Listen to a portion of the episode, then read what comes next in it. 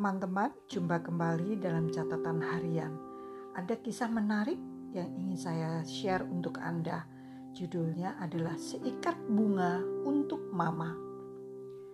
Pada suatu pagi, seorang pengusaha muda sedang terburu-buru berangkat ke kantor.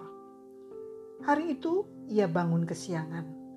Padahal pagi itu ia mempunyai agenda meeting dengan rekan bisnisnya. Karena terburu-buru, bapak itu tidak sempat duduk menikmati sarapan pagi buatan istrinya. Maka ia memutuskan mampir sebentar ke sebuah toko untuk membeli roti sebagai ganti sarapan pagi.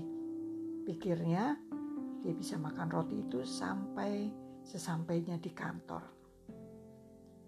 Saat ia sedang memilih roti yang hendak dibelinya, Matanya tertarik mengamati seorang gadis kecil yang berusia kira-kira 10 tahun sedang memilih bunga di toko sebelah. Gadis kecil itu sedang tawar-menawar harga bunga dengan pelayan toko tersebut. Mbak, harga bunga ini berapa? Tanya gadis itu.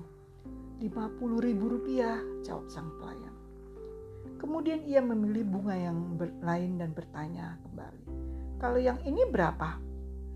Ini lebih mahal lagi, Rp75.000. Kalau yang ini sambil menunjukkan bunga yang lebih bagus lagi. Ini harganya 100 ribu dek, jawab pelayan. Gadis itu kelihatan bingung karena harga bunganya semakin tinggi sementara ia tidak menyadari bahwa bunga yang dia tunjuk adalah bunga yang paling bagus. Dengan sedih ia bertanya, apa ada bunga yang harganya lima ribu? Rupanya gadis itu hanya punya uang yang jumlahnya itu. Walaupun keinginannya untuk membeli bunga sangat besar. Belum sempat pelayan toko itu menjawab, sang bapak pengusaha muda tadi yang sudah berada di samping gadis kecil itu bertanya, Nak, kamu mau membeli bunga buat siapa? Gadis kecil itu menjawab, Saya mau beli bunga buat mama saya, Om. Hari ini mama berulang tahun. Pria itu terpana. Tiba-tiba dia juga teringat bahwa hari itu istrinya juga sedang berulang tahun.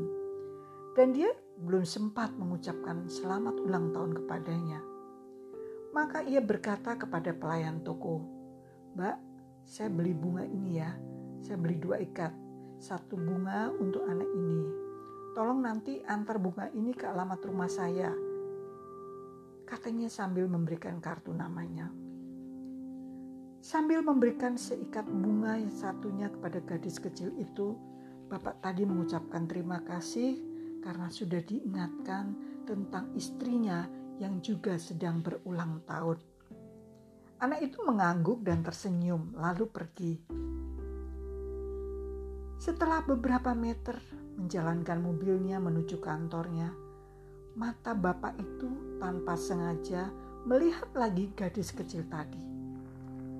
Dia sedang berjalan di trotoar yang searah dengan mobilnya Hati bapak itu tergerak untuk meminggirkan mobilnya, membuka jendela dan bertanya, apakah ia mau menumpang sampai ke depan.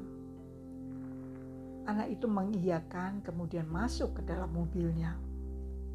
Sampai di suatu tempat yang agak sepi, anak itu minta turun. Bapak itu kemudian menjadi heran karena melihat gadis kecil itu jalan masuk melewati sebuah lorong kecil. Karena penasaran, ia turun dari mobilnya dan mengikuti gadis kecil itu dari belakang. Betapa terpananya dia ketika melihat gadis kecil itu akhirnya menaruh bunganya di sebuah gundukan tanah merah yang masih basah. Nah, ini kuburan siapa? Tanya bapak itu seraya ikut jongkok di samping anak itu.